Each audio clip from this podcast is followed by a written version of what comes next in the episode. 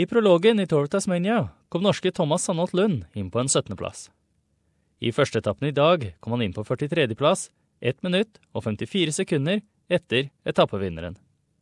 Jeg tok en prat med han like etter at etappen var ferdig, for å høre om han var fornøyd med egen innsats, og hva vi kan forvente av han i dagene som kommer. Ja, Thomas, da var første etappe overstått. Hvordan føles det? Nei, det føltes, uh, føltes litt tungt i dag. Men det blir gjerne sånn på starten av en, av en tour med litt dårlig treningsgrunnlag. Da blir det litt tungt å komme i gang på første etappe, men det, det er godt å være i gang nå se framover mot resten.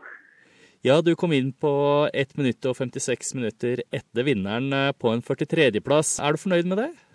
Nei, det er jeg ikke spesielt fornøyd med. Det var satt greit med hele rittet, og så avslutter det med en bakke opp mot mål som vanligvis ville likt veldig godt, men eh, jeg har litt lei tradisjon for å være litt en slow starter på eh, sånne type løp, så mm, det var litt under pari. Men eh, onsdag var det i prologen, og der kom du inn på en 17.-plass. Hvordan ser du tilbake på den etappen?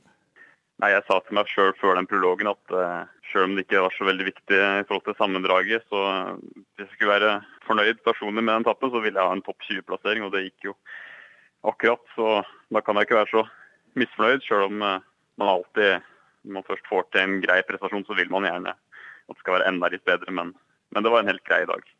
Ja, du nådde jo i hvert fall opp med, som du sa, målsetningen eh, du satte til deg, så gratulerer med den for den dagen. Men eh, det er tre etapper igjen, og hva kan vi forvente av deg i dagene som kommer?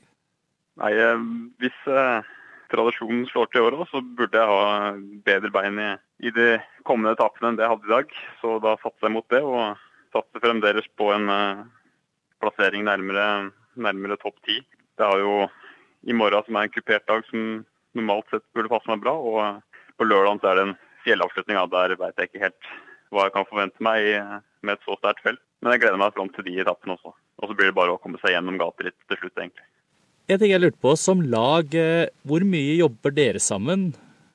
Sykkel er en lagsport. Nå er ikke vi av de sterkeste lagene som er med i det rittet her, og da gjelder det mer å støtte hverandre og hjelpe hverandre hvis det er noen som trenger. Det er gjerne noen som får oppgave å gå ned til følgebil for å hente mat og drikke f.eks. Og da er det gjerne den som sitter best an i sammendraget som slipper den jobben. Eh, men eh, i og med at vi er en av underdogsa i det løpet her, så så er det ikke så mye ansvar på oss. og Derfor blir det ikke heller så mye arbeidsoppgaver som, eh, som det kunne vært. Men eh, så lagmessig så ligger likevel du en av de beste i laget ditt nå, sånn plasseringsmessig? Ja, nå var det en, en som kjørte veldig bra eh, i dag.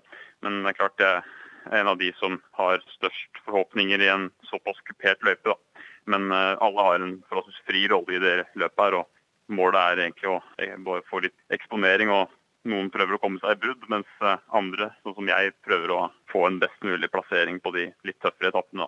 Ja, Thomas, eh, takk for praten, og eh, lykke til i dagene som kommer, og da kanskje spesielt i morgen, som du sier er kanskje din beste mulighet?